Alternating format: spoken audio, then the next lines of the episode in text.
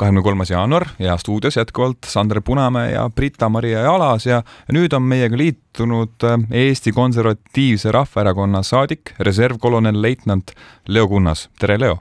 tere! ma alustaks äh, hoopis teisest otsast. Äh, me veidi aega tagasi rääkisime Raimond Kaljulaidiga sellest, mida arvata president Alar Karise otsusest jätta kutsumata siis sada üks Riigikogu liiget kahekümne neljanda veebruari vastuvõtule. mida teie arvate, äh, kuidas tuua täna noh, üsna ikkagi lõhesid täis Eestis erinevad osapooled paremini kokku, et me saaksime koos tervena ja ühtsena edasi minna?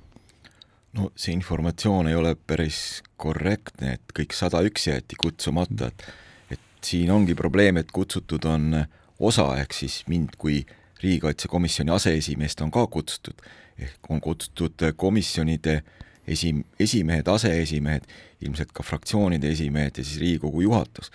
aga Riigikogu liikmeid ei tohiks kohelda ebavõrdselt. kas tuleks kutsuda kõik või siis tõesti ei tuleks kutsuda kedagi, aga see ei oleks meie parlamentaarses riigis lihtsalt kohane, et Riigikogu liikmeid ei kutsuta, et noh, seepärast ma kaalun ise ka tõsiselt, kas üldse minna, just sellepärast, et et ei tohiks Riigikogu liikmeid erinevalt kohelda. täna võib olla üks Riigikogu liige komisjoni esimees või aseesimees, homme võib, võivad need positsioonid muutuda, et see säärane kohtlemine ei, ei, ei ole mõistlik. äkki tasub ikka minna just seetõttu, et siis, siis äh, jääb see nii-öelda vastureaktsioon ära, et muidu hakkab see ping-pong käima ja, ja läheb olukord veel kehvemaks. no siin oleks ikkagi vaja ka saata lugupeetud presidendile sõnum, et, et noh, kas kõik liikmed või siis mitte kedagi. aga ka see mitte kedagi ei oleks hea lahendus, sest nagu ma ütlesin, et, et keda siis sinna peaks veel kutsutama parlamentaarses riigis, kui mitte Riigikogu liikmeid, et et ma ei saagi sellest säärasest nagu poolikust otsusest üldse aru põhjus, miks me teid ikkagi siia täna kutsusime tegelikult, Leo Kunnas, on, on eriti viimase aja pealkirjad ja samuti sealhulgas ka Kaitseministeeriumi teade, et nüüd otsustati ju rada, rajada, kas see oli ligi kuussada punkrit. Ütlen lihtsalt, minul on hirm ja, ja, ja kes suudaks seda hirmu paremini, kas võib-olla aidata lahti selgitada või, või võib-olla ka isegi kohati rahustada või hoogu anda, on ikkagi sõjaeksperdid nagu ka teie.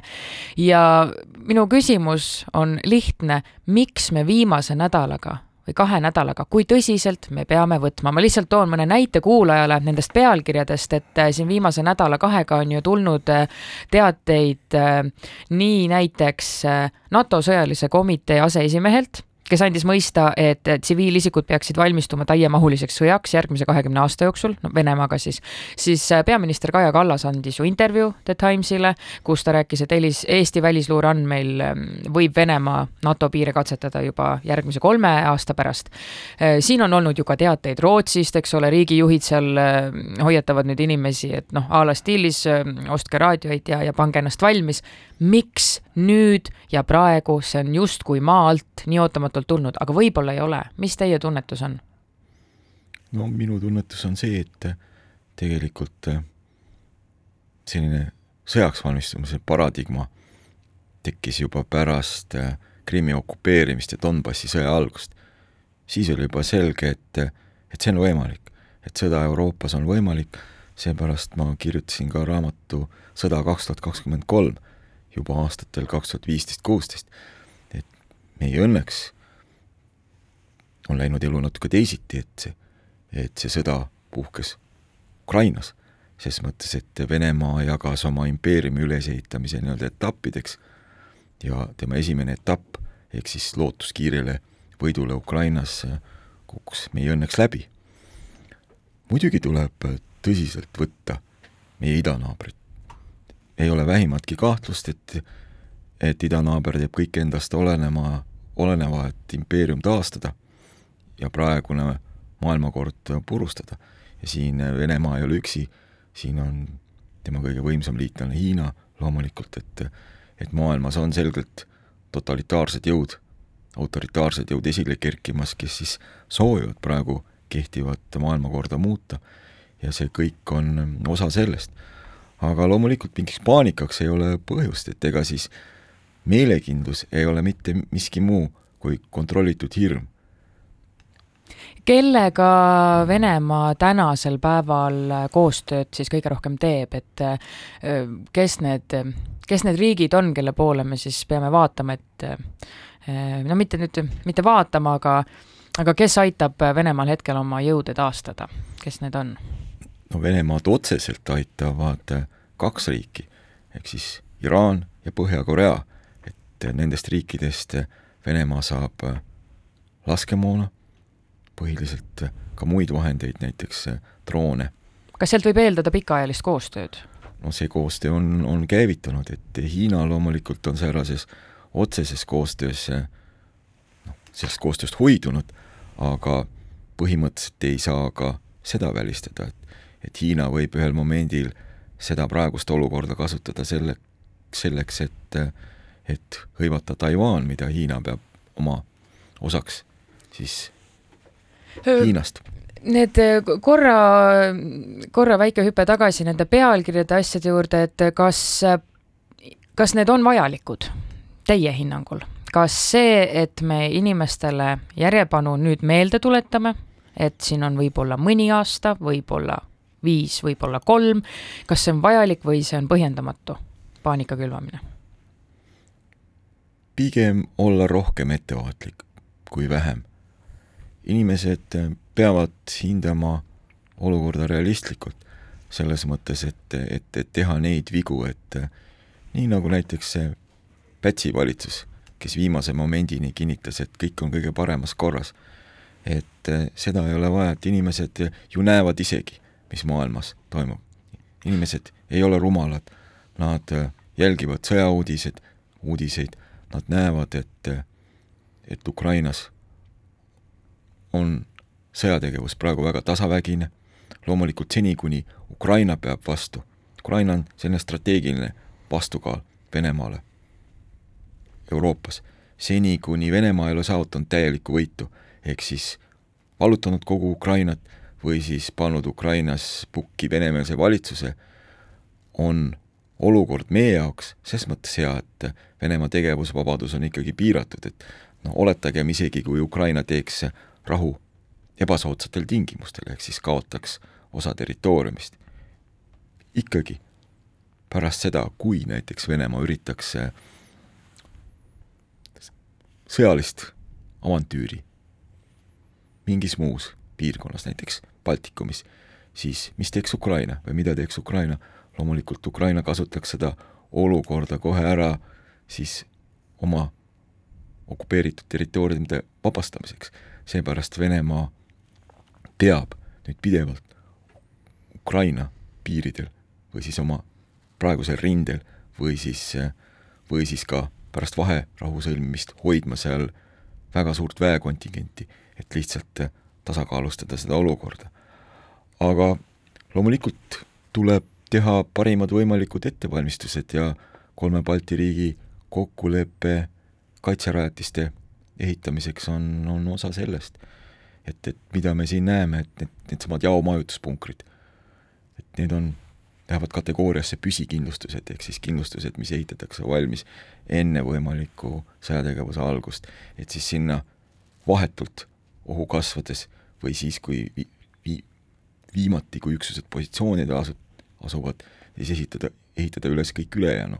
ehk siis äh, kaevikud, noh, kui võtame kaevikud, ega siis tänapäeval tehakse kõike tööstuslikult, et sõdurid loomulikult võivad ka labi, välilabidatega tule all kaevata, aga selleks ikkagi kasutatakse pioneeritehnikat, mis siis põhiliselt tuleb äh, rekvireerituna meie ehitustööstusest, ehk siis tavalised ehitusmasinad, millega seda siis ehitatakse ja muidugi ladustatakse sinna ka siis valmis eh, tõkked, ehk siis niinimetatud draakonihambad, okastraat, loomulikult mineeritakse kogu piirkond, ehk siis nii tankitõrjemiinid, jalaväemiinid, praeguses olukorras loomulikult, kui me oleme need otsused teinud juba, ehk siis kolme Balti riigi valitsused on teinud otsused, et kaitseliinid tuleb rajada, siis on ka jalaväemiine keelustavast Ottawa konventsioonist lahkumine praktiliselt vältimatu. ja mõistagi noh, Balti riikides me peaks suutma ise siis sõjalise otstarbega lõhkeainet toota, et me Eestis toodamegi lõhkeainet, aga see on tsiviilotstarbeline. siis vajadus miinide, mürskude järele on väga suur, no näiteks me toodame Eestis miine, näiteks suundmiine ja külgmiine, aga neid me siis trotüüliga täidame Poolas. Et siin on mitu sammu, mida on mm -hmm. vaja teha. mitme riigi, mitme riigi vahel sammud, on ju. et, et asendada siis need tankitõrjemiinid, mida me Ukrainale andsime, mida on väga suur kogus, hankida juurde siis jalaväemiine, nii põhimõtteliselt konventsioonile vastavaid, kui ka hiljem siis, siis konventsioonist lahkuda mm. -hmm. sest kogused on, on, on, on väga suured, mida me vajame mm. -hmm. ja meil ei ole piisavalt sõdureid, et iga miini juhitavat lõhet lahata või seda visuaalselt kontrollida kogu aeg, et et see ei ole meil nagu praktiliselt teostatav. ja loomulikult, et, et kõike seda teha, tuleks endal toota lõhkeainet, sest muidu me jääme teistest sõltuvaks, et praegu Ukraina vajab kõike ja, ja põhiline mitte ainult suurtükimürsud, vaid ka pioneerimaterjal ikkagi läheb Ukrainasse. me peame muutuma vähem sõltuvaks mhm. teistest mm. -hmm. Leo Kunnas, üks asi, millest ma ei ole täpselt aru saanud, et ajal, mil me räägime palju tulevikusõjast, me räägime droonidest, me räägime kvantarvutitest, tehisintellektist, me hakkame ehitama punkreid. punkreid, mis oma noh, funktsioonilt äh, täidavad sama rolli, mida võib-olla sada aastat tagasi mõnes äh, sõjas miks me punkreid äh, ehitame sõja jaoks, mida, mis on kõrgtehnoloogilisem kui kunagi varem? No vaadake Ukrainat, mis seal siis toimub. et miks Ukraina eelmise aasta suve pealetung edu ei saavutanud? lihtsalt seetõttu, et Venemaa oli rajanud, Vene relvajõud olid rajanud ulatuslikud kaitserajatised. ega siis kõike, mida praegu tehakse, tehakse ju nende õppetundide alusel, mida me Ukrainast oleme saanud praegu samamoodi Ukraina pool on kindlustanud, mõlemad pooled on kindlustunud sügavalt mitmes ešelonis, mitte ainult äh, otseselt rindel, vaid pigi, piki kogu Venemaa-Ukraina piiri. ja kõik need jutud revolutsioonidest, sõjapidamised, ei vastupidi, sõja tege-, tegevus ja sõjapidamine areneb väga evolutsiooniliselt ja siia lisandub uusi dimensioone. Näiteks nagu kübersõda, seda ei olnud ennem olemas, nüüd see on, siia lisandub uusi relvasüsteeme, aga see ei tähenda seda, et see kõik, mis on olemas, et see kaotaks oma tähtsuse. Te ju näete, et, et suurtükid on täpselt samasugused, nagu olid juba Esimese maailmasõja ajal, Teise maailmasõja ajal. laskur, laskerelvad on täpselt samasugused. näiteks lähiõhutõrje on täpselt samasugune nagu siis, kui, kui Vene väed tungisid, või noh, parandan, Nõukogude väed tungisid Afganistani ja peeti esimene Afganistani sõda, ega siis põhilised taktikad nii kindlustamisel kui ka jalaväeüksuste pealetungil, et need on pärit Esimesest maailmasõjast ja need ei ole, ei ole oma olemuselt kuna oluliselt muutunud ja need ei muutu enne, kui põhimõtteliselt nii käsirelvad kui suurtükiväe relvasüsteemid põhimõtteliselt muutuvad, aga seda me ju praegu ei näe, et et kõik, mis lisandub, näiteks droonid, mitut liiki droonid, nii, nii, nii luuredroonid kui ka, kui ka siis äh, varitsev õhuründemoon ehk, ehk siis laenguga droonid või kamikaze droonid, siin on heal lapsel mitu nime, need loomulikult äh, lisavad uusi, uusi elemente ja uusi dimensioone siia sõtta, aga sõda kui selline olemuselt ei muutu, et pigem praegu me näeme, et kaitsval poolel on rohkem eeliseid kui varem. reservkolonel leitnant äh, Leo Kunnas, teiega võikski rääkima jääda, aitäh stuudiosse tulemast, oli väga huvitav. Äh, meie jätkame oma programmiga ja peagi on eetris uudised